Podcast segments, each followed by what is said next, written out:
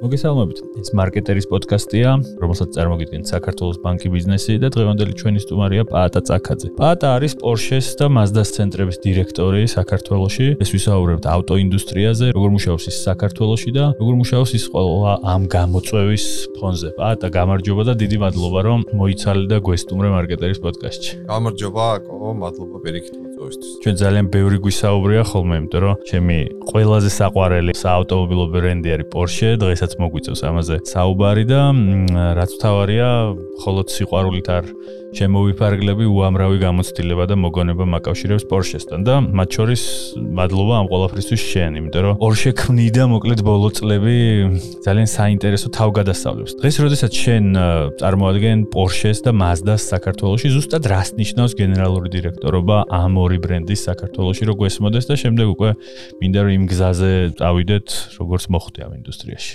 მოდი ორად გავყოთ.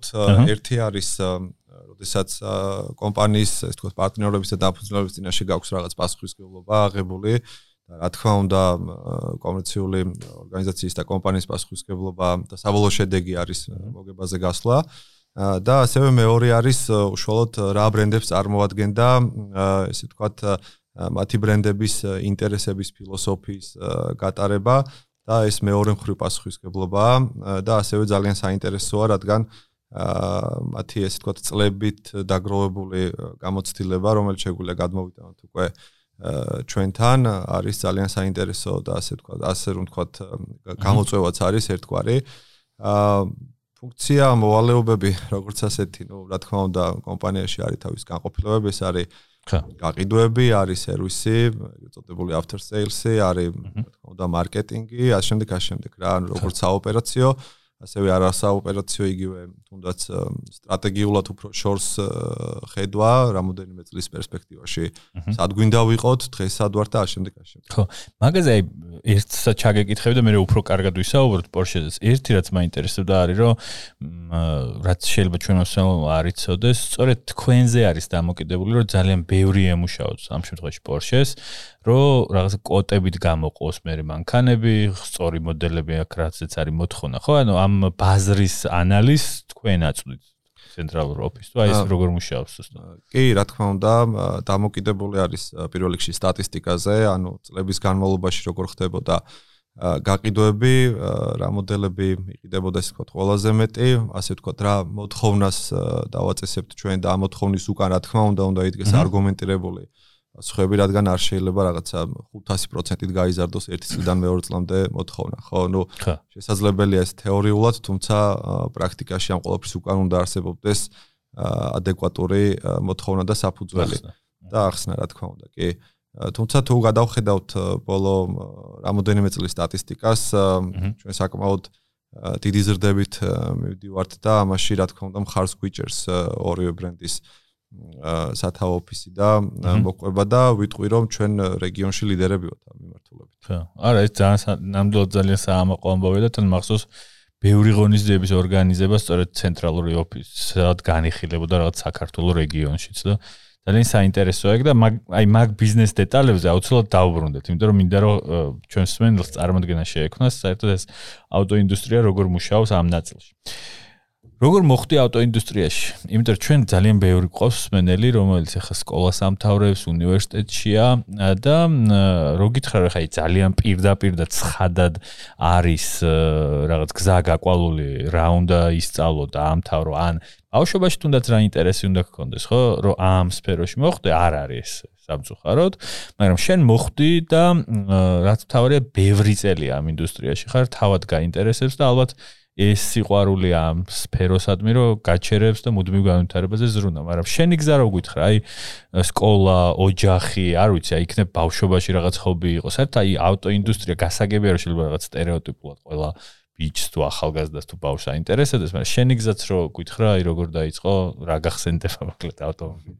აა პირველ რიგში სწორად აღნიშნე, რომ ბავშვობიდან შეიძლება მოდიოდეს. შეიძლება არ აუცილებლად უნდა მოდიოდეს ეს თუ ზელოდაში უყურებ ჩვენ თავს ავტოინდუსტრიაში, ну ბავშვობიდან არ აქვს მნიშვნელობა ეს იყო ავტომობილი თუ სხვა ტექნიკა, უბრალოდ რასაც ძრავი ქონდა და თავისით გადაადგილდებოდა, ყველაფრის მიმართ ქონდა ძალიან ძალიან დიდი ინტერესი იმ ღრმა ბავშვობიდან, როცა შეიძლება საერთოდ მოდელებსაც კი ვერცნობდი.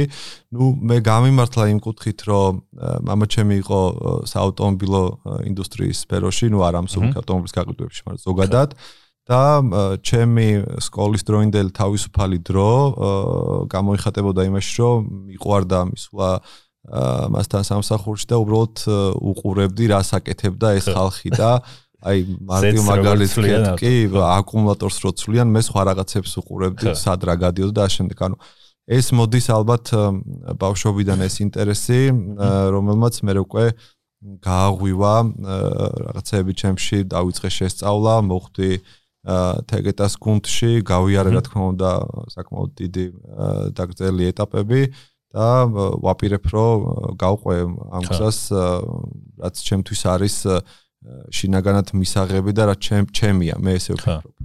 და იცი რა მაინტერესებს აი პირველი სამსახური ამ რა იყო შენთვის?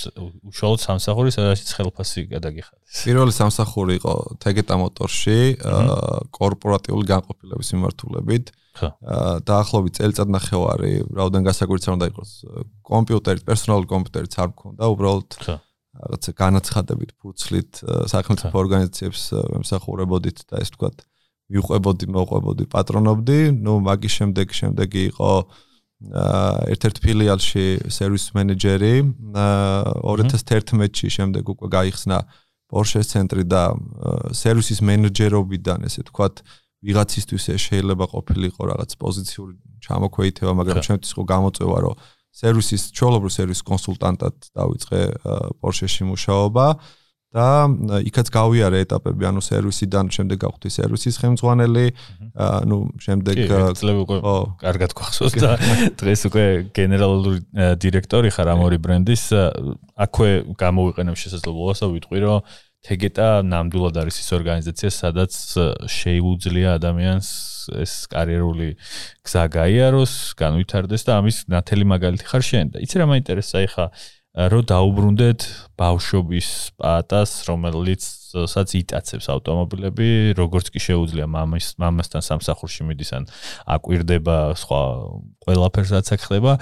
ბევრი ასეთ ადამიანთან მისაუბრია, მეც ძალიან მაინტერესებს ეს სფერო და უმეტესი მე რე იმიტომ შორდება ამ სფეროს, რომ ავტომობილებთან ერთად აინტერესებს ავტოსპორტი და აუცილებლად უნდა რომ იყოს რაღაც პილოტი. ანუ და დამხმარე გუნდიც არა და შენ შემთხვევაში ანუ იცი საიტკენ მყავს უფრო ეს კითხვა, ანუ შენ ეს ავტო ინდუსტრია გაინტერესებდა როგორც რაღაც ნავსაყუდელი სადაც იქნებოდი თუ ავტოსპორტის მიმართაც რაღაც გადაცებები გქონდა? აა ავტოსპორტის მიმართ გქონდა ძალიან სამოყვარულო დონეზე, ძირთად უფრო ოფროუდის მიმართულებით ვიყავი სამოყვარულო შეჯიბრებებში ჩართული, თუმცა ავტოვებდი არანაირ შეჯიბრს როგორც რუსთავის ავტოდრომზე მაგ პერიოდში ჯერ კიდევ ძველი ავტოდრომი იყო.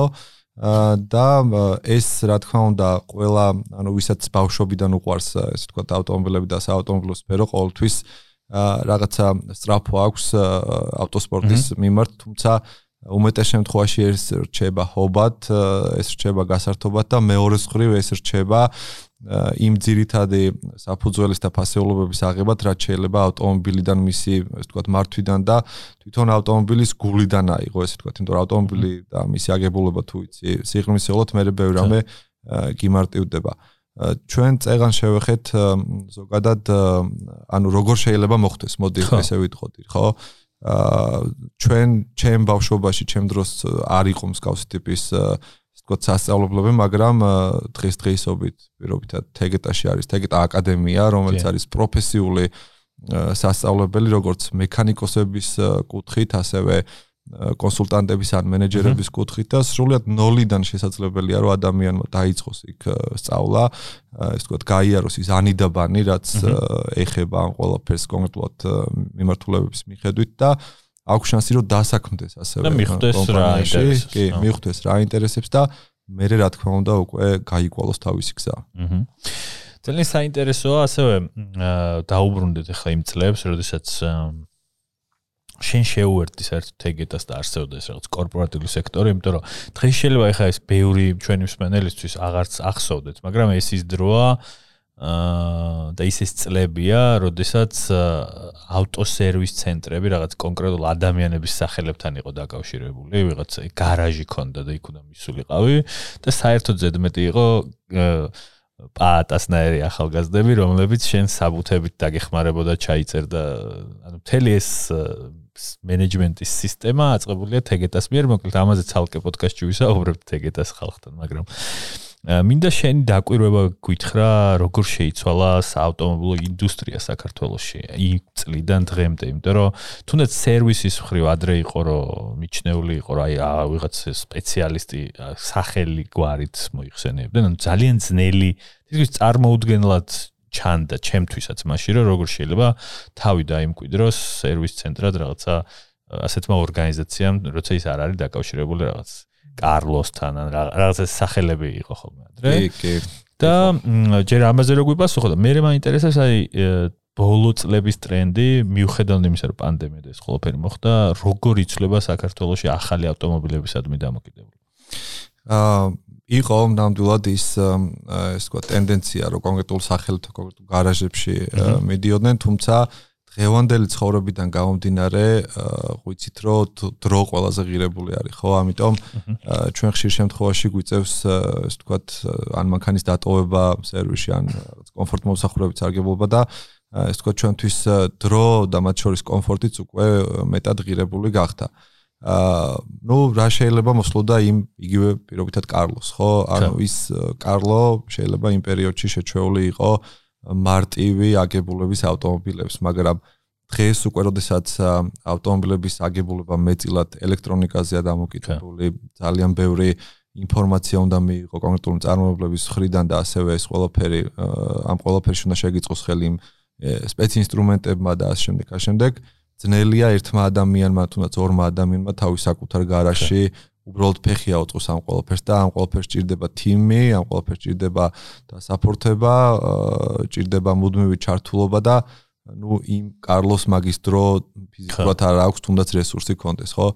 ამიტომ ნენელა ეს ვთქვათ იგივე ამ ადამიანებმა დაიწყეს მიხვდნენ და დაიწყეს სერვის ცენტრებში მუშაობის დაწყება მუშაობა დაიწყეს და ეს ვთქვათ ეს ეს ამ ეტაპებს გავდივართ და ეს გარდაუვალია იმიტომ რომ ნებისმიერ შემთხვევაში თუ ადამიანს სურს რომ თავისი ეს ვთქვათ ავტომობილი როგორც ოჯახის წევრი ბევრი წესია რომ მიიყვანოს სადღაც სერვისში და ვიღაცა მაიღოს ამაზე პასუხისმგებლობა, უნდა იყოს ეს ავტორიზებული და არ უნდა იყოს ვიღაცასთან გარაჟში. რა შეეხება მეორე ნაწილს? რა შეეხება მეორე ნაწილს? ოღონდ აი ეს ახალ ავტომობილებს, მოდი Porsche კი ზოგადად ყველგან გვაინტერესებს, მე ხო შეიძლება ყველამ ვერ შეძლოს. რა თქმა უნდა, კი, ახალი ავტომობილების ტრენდი გაყიდვების არის მზარდი საქართველოში.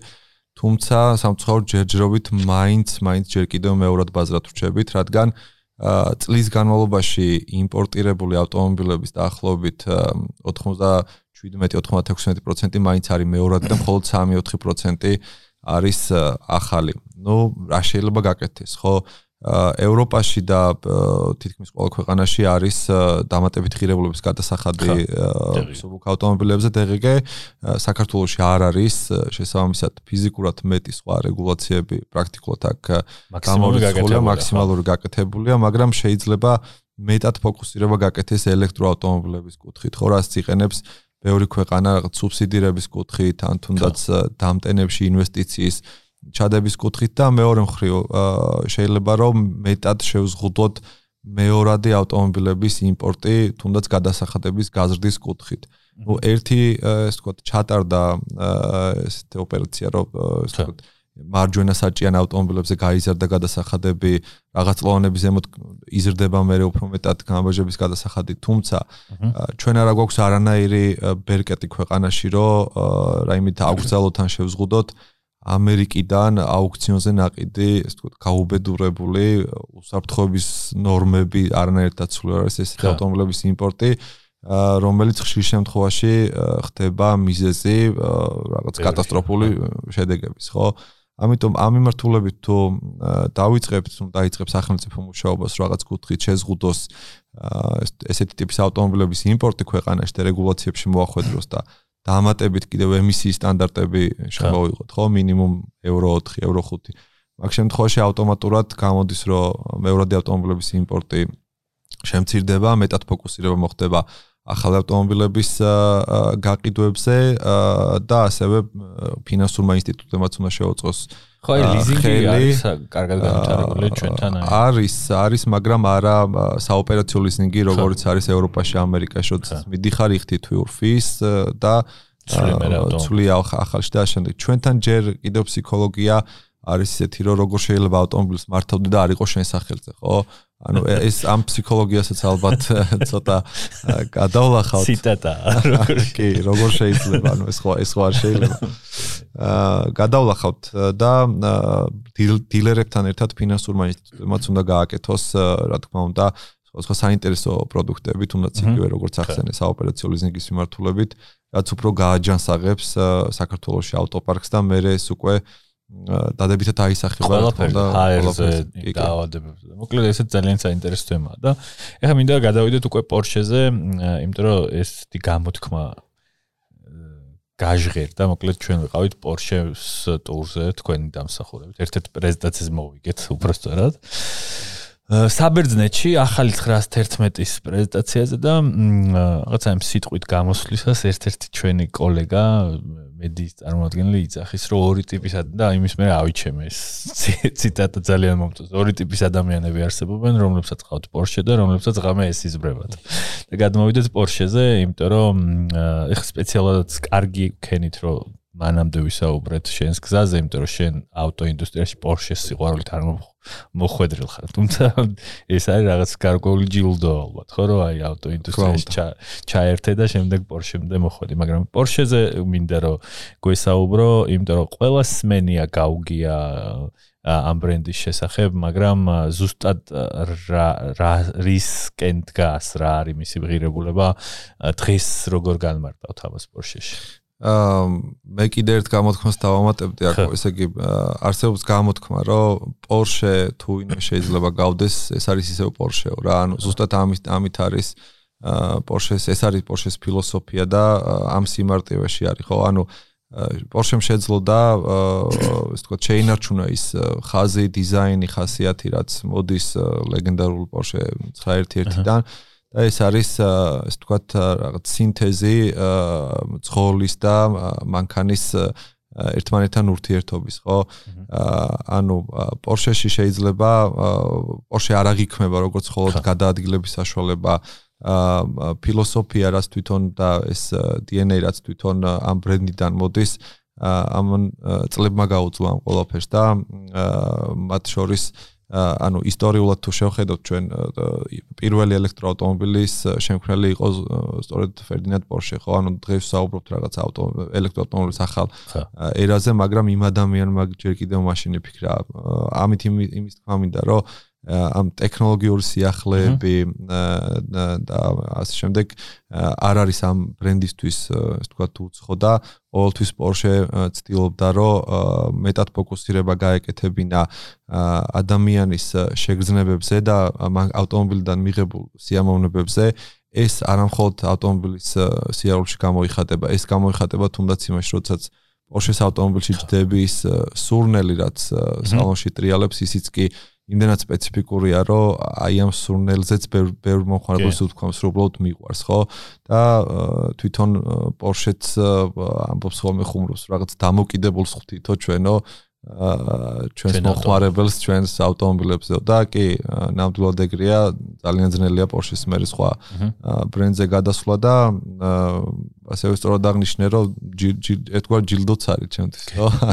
ვთქვათ მოხდი ამ ბრენდში და მოხდი დირექტორის პოზიციაზე და იცი რა მაინტერესა Porsche-ის ისტორიას რო გადავხედოთ აი ადრე ვინმეს ჩემთვის ეთქვა რომ ადამიანი Porsche-ის ცენტრში მუშაობს პირდაპირ ვიფიქრებდი რომ აუცილებლად მხოლოდ სპორტულ ავტომობილებს ყიდიან იქ და ჩემ ჩემით მაგ გამოცდილი ყველა ის ავტომობილი რომელიც შემდეგ Porsche-მ რაღაც ოჯახებისთვის გამოუშვა მათშიც არის სპორტული ხასიათი მაგრამ დღეს Porsche-ის ცენტრი იდეაში შეგიძლია შენ თქვა რომ აი ნებისმიერი ტიპის ადამიანისთვის მოიპოვება Porsche-ის ცენტრში თუ ცენტრში შეიძლება აქ ადგილზე არ ყავდეთ, მაგრამ ტექნიკურად არის ეს ბრენდი, რომელიც შეიძლება იყოს ნებისმიერი ასაკისთვის, ნებისმიერი როგორ ვქოთ, ცხოვრების სტილის მქონე ადამიანისთვის.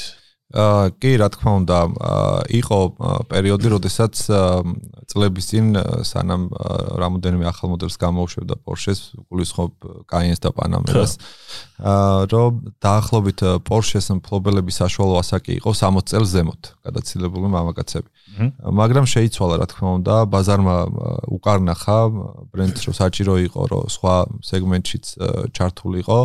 გამოუშვა SUV, გამოუშვა 4-კარიანი სედანი, გამოუშვა ელექტროავტომობილი, გამოუშვა უფრო პატარა SUV, შესაბამისად მოიცვა, ესე ვთქვათ, როგორც ახალგაზრდა თაობა, ასევე შუახნის ადამიანები და ნებისმიერ ტიპის მოთხოვნა, სურვილი და შეგრძნება რაც შეიძლება რისი მოთხოვნა შეიძლება გაუჩნდეს, შეგვიძლია რომ ესე ვთქვათ, მივიღოთ ავტომობილიდან ჩვენ ყოველთვის გუნდის წევრები ჩვენი გაყიდვების პირველ რიგში მაგ ესე ვთქვათ კითხვის გამოცნობას ცდილობენ ხოლმე მოხმარებლისგან რომ სწორი არჩევანის გაკეთების საშუალება მისცენ. ხო შეიძლება ნუ ვიღაცა მოვიდეს და უბრალოდ Porsche უნდადეს მაგრამ სწორად უნდა გვესმოდეს რისთვის ვისთვის და შემდეგ უნდა რომ მოლოდინები გაუმართლდეს რეალურად. ამიტომ ეს არის ერთ-ერთი ყველაზე მნიშვნელოვანი და მე როგორც ხვდები გაყიდვების გუნდს და თავად შენს ძალიან ბევრი მუშაობა გიწევს, იმიტომ რომ მახსოვს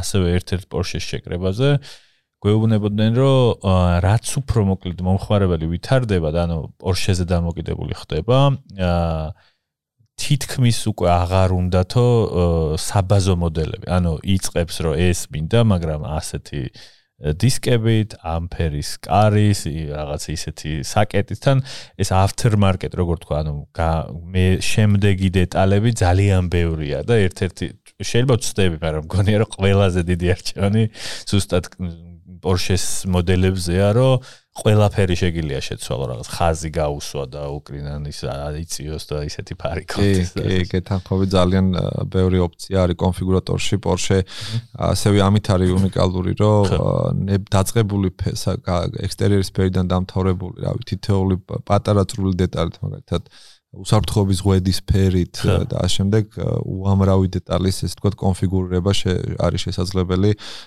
მოხმარებლის მოთხოვნის შესაბამისად.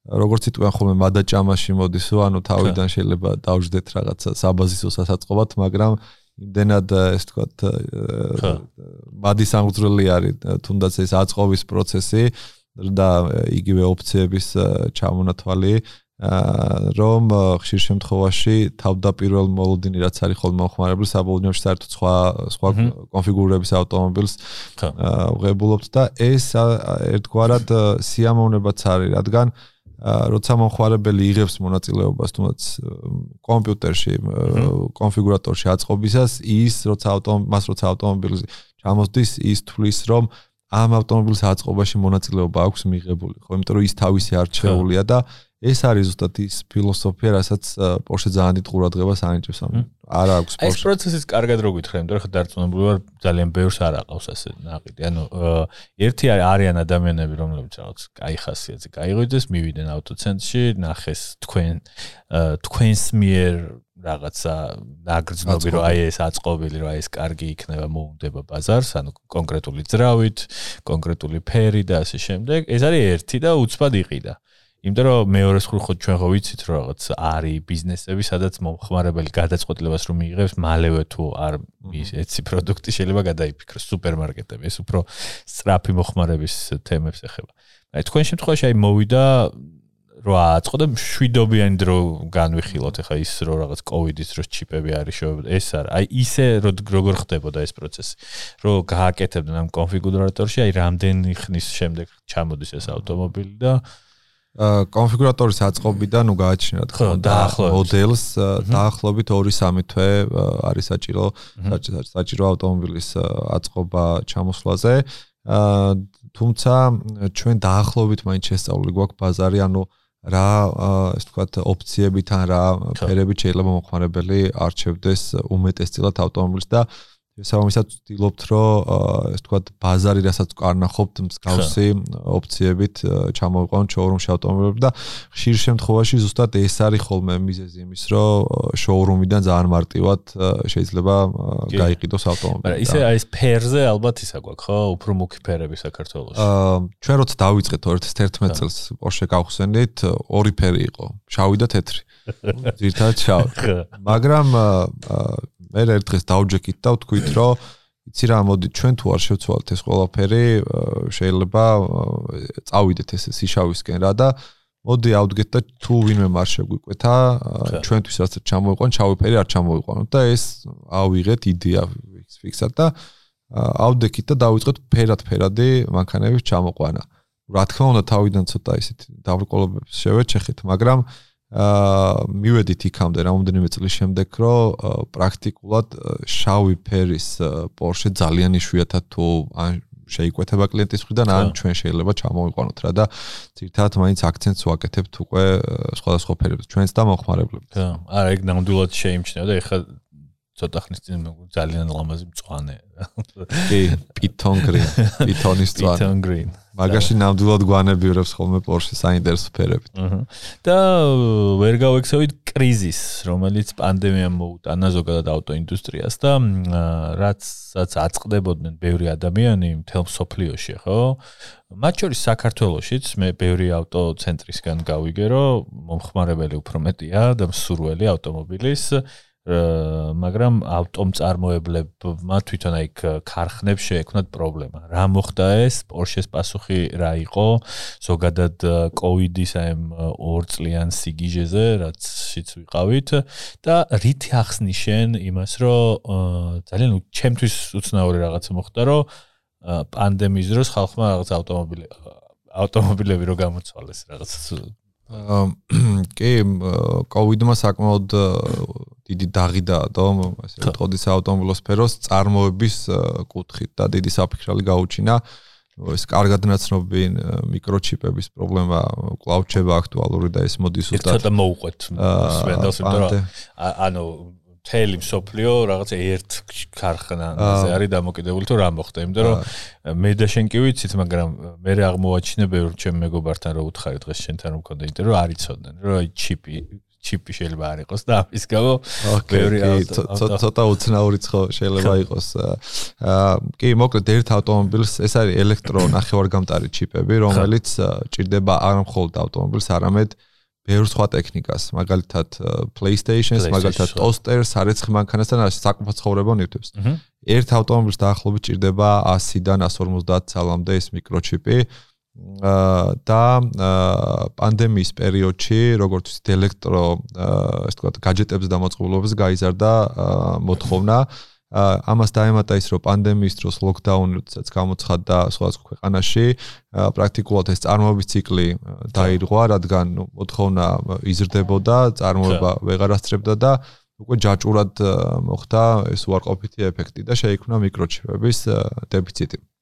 შემდეგ ამ ყველაფერს მოყვა მიკროჩიპების უკვე კომპონენტების დეფიციტი, ეგრეთ წოდებული სილიციუმის ქიმიური ნაერთი არის, რომლის დეფიციტი გაჩნდა და შესაბამისად უკვე ამ მიკროჩიპებსაც ვეღარ აწარმოებდნენ და პრაქტიკულად ჩვენ ორი ორი წელია უკვე დაახლოებით აი ამ პრობლემის წინაშე გავართ რა თქმა უნდა ქარხნები მუშაობენ ალტერნატივებზე, მაგრამ ეს არის მთელი მსოფლიოს და ყველა ბრენდის ასე ვთქვათ დიდი თავისტკივილი და გამოწვევა. რა შეიძლება მეორე შეკითხოს რატო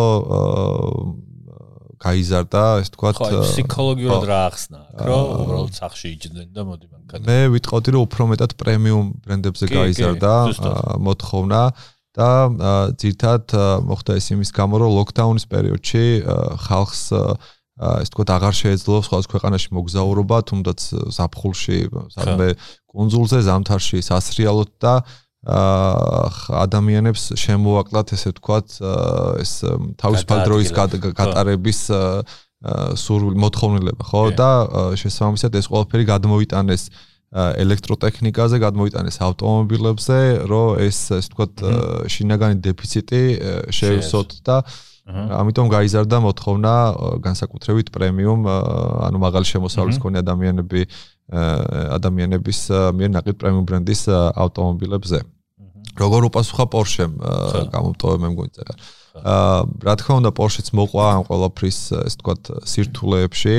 აა თუმცა მე ვიტყოდი რომ თუ ავიღებთ სხვა ბრენდებთან შედარებას, მაინც ნაკლებად შეეტყო ეს ყველაფერი და უფრო მეტად ორგანიზებულები შეხვდნენ, რადგან ყველაზე ეს თქვათ პიკური პერიოდი იყო 2021-ში ჩიპების დეფიციტის და მანქანების დაგვენებების, თუმცა მეტნაკლებად ვიტყვი რომ Porsche-მ ამ ყველაფერს მოახერხა და თავი გაართვა თუ ამას თავის კარტმა ქვია რა თქმა უნდა, მაგრამ აა ჩვენ რაღაც დროის რაღაც გარკვეულ მონაკვეთში შეიძლება ყოფილიყო 1-2 თვიანი პერიოდი ჩავარდნა, მაგის გარდა პრაქტიკულად ჩავარდნა არ ქონია და ზუსტად ამიტომ არის ის შედეგები რაც დაუდეთ თუნდაც გასულ წელს. ძალიან დიდი მადლობა და გადავიდეთ ელექტროძრავებზე და ელექტრომობილებზე, იმიტომ რომ ისევ Porsche-ს ჩემი შეიძლება სმენელი თოდა დაუღალე, მაგრამ ვარ ბევრჯერ Porsche-ს ივენთებზე ნავყოფი საქართველოსში და პარგლოს გარეთაც და ხვდებოდით მათი დახმარებით, ხვდებოდით ადამიანებს, რომლებიც ხელით ქმნიან ამ Porsche-ებს, ყოველდღიურად ჩართულები არიან და მახსოვს ცოტა რაღაც შოკის მომგვრელა ჟღერდა აი ელექტრომობილები და თან მაშინ Tesla ძალიან ხმაურობდა და ბევრს ეგონა და შეიძლება დღემდეც გონია რომ ერთადერთი ელექტრომობილი Tesla. აა და მახსოვს რომ აი ერთ-ერთი ინჟინერი, რომელიც Porsche-ს ძრავებზე მუშაობს, განსაკუთრებით 911-ზე და ასე შემდეგ, ის იცახდა, რომ მე ვერ წარმომიდგენია ვერასდროს როგორ შეიძლება 911-ის ხმა გავცვალოთ სიჩუმეში, რომელიც ელექტრომობილებს ახლავს თან და ნუ ეხა გასაგები იქ რაღაცა დინამიკში ჩაწერილი ხმა არის, რომ იქ ვიღაცას არ დაეჯახო, მაგრამ აა მოკლედ თავიდან ბრენდი მე მახსოვს და უფრო ადამიანებიც კი განიხილავდნენ რომ აი ავტოინდუსტრია შეიძლება სრულიად შეიცვალოს, გაქრნენ ბრენდები და სრულიად ახალი მოთამაშეები წარმოჩინდნენ, რომლებიც მხოლოდ ელექტრომობილებს აწარმოებენ. ეს ცდარი გამოდგა, იმიტომ რომ სხვა ბრენდებმაც გამოუშვეს, მათ შორის Porsche-მ და დღეს რო გითხრა როგორ უყურებთ მომავალს მაშინ როდესაც აი ხედავთ რომ ნელ-ნელა უკვე Porsche-მაც უარი კი არ თქვა დაჟე მეტიც ძალიან მაგარი მანქანა გამოუშვა ამ ამბავში მაგრამ აი რა როდის შეიძლება სრულად ჩანაცვლდეს თუ აი როგორ საით მიდივართ აა დავიწყოთ იქიდან რომ Tesla-მ ეს თქვა ძალიან დიდი მუხტი მიცა სხვა გიგანტ ბრენდებს ევროპელებს.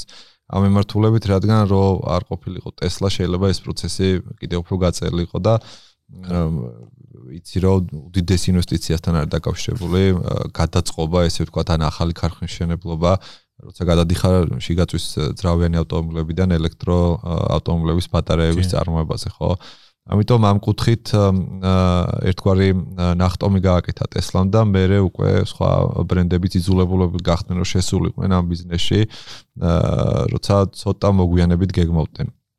აა რა თქმა უნდა, როგორც Porsche, ასევე სხვა ბრენდი გეგმავს რომ განვითარდეს და ეს სტრატეგიები არის მკაფიოდ გაწერილი, არა მარტო ბრენდების მიხედვით, არამედ ქვეყნებშიც, რომ 2025 ზოგს 2030 ზოგს 2035 წლისთვის აქვს დაგეგმილი, რომ ქვეყანაში გაყიდული ავტომობილები იყოს სრულად ელექტრო 2025 წლისთვის ზოგს აქვს დაგეგმილი იყოს ელექტრო ან ჰიბრიდული ტიპის ავტომობილები და რა თქმა უნდა Porsche-საც გააჩნია სტრატეგია და ეს სტრატეგია არის რომ 2030 წლისთვის.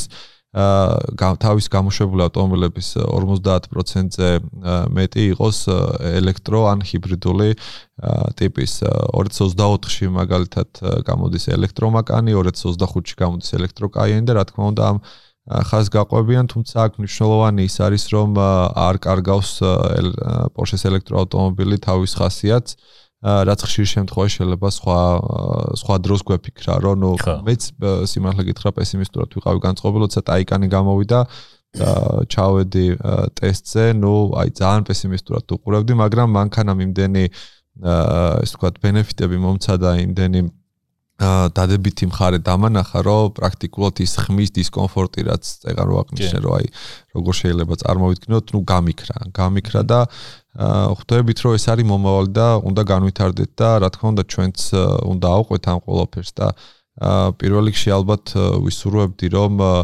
სახელმწიფოს მხრიდანაც მოხდეს თავისი ავტოპარკის რაღაც ნაწილის მაინც ჩანაცვლება.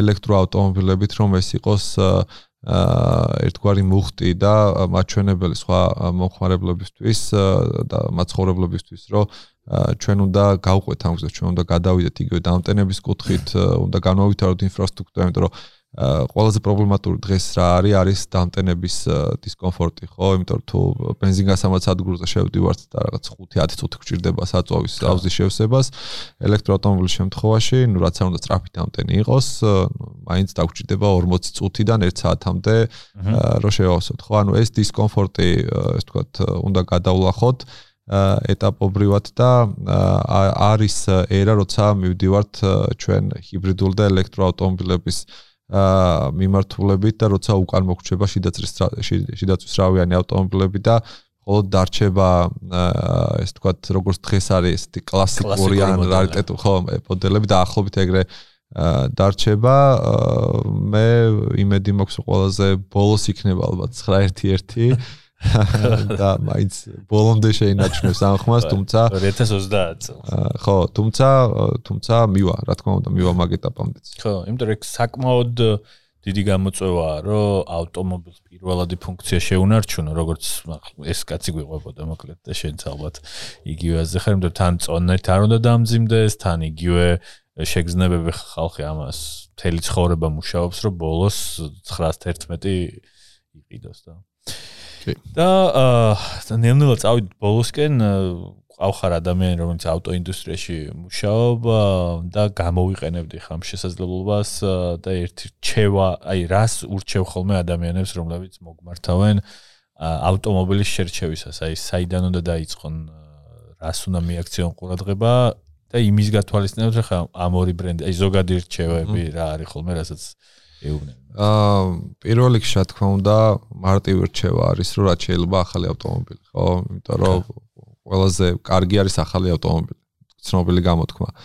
აა და თუ მაინც და მაინც მეორადი სიმართლეებით მივიდივართ ყოველთვის ჩემი რჩევა არის რომ გადავხედოთ ისტორიას ანუ იგივე რაც რაც საუბრობდი დასაწყისში რომ ეს ამერიკიდან ეს გაუბედურებული ჩამოსული ავტომობილები ანუ ერთავით თქვა რომ კი კი რომელიც თითქოს ვიზუალურად არაფერი არ ეთქვა მაგრამ ტექნიკურად ძალიან ძალიან დიდი პრობლემა შეიძლება შეექმნას ადამიანის სიცოცხლეს ამიტომ ყველაზე მნიშვნელოვანი არის ეს და ყველაზე მნიშვნელოვანი არის რომ სადილეროებში გარი ეს თქვა ეფრუდ მეურადი ავტომობილების შეძენა მოხდეს, რადგან მან პრაქტიკულად გამორიცხულია, რომ რაღაც ესეთი უსაფრთხოების უსაფრთხოება დარღვეული ნორმების მქონე ავტომობილი დადგეს, რადგან თვითონ ხდება დილერების მიერ ამისი კონტროლი და თავარი არის, რომ მაქსიმალურად იყოს ახალი და იყოს უსაფრთხო და გადავხედოთ ისტორიას.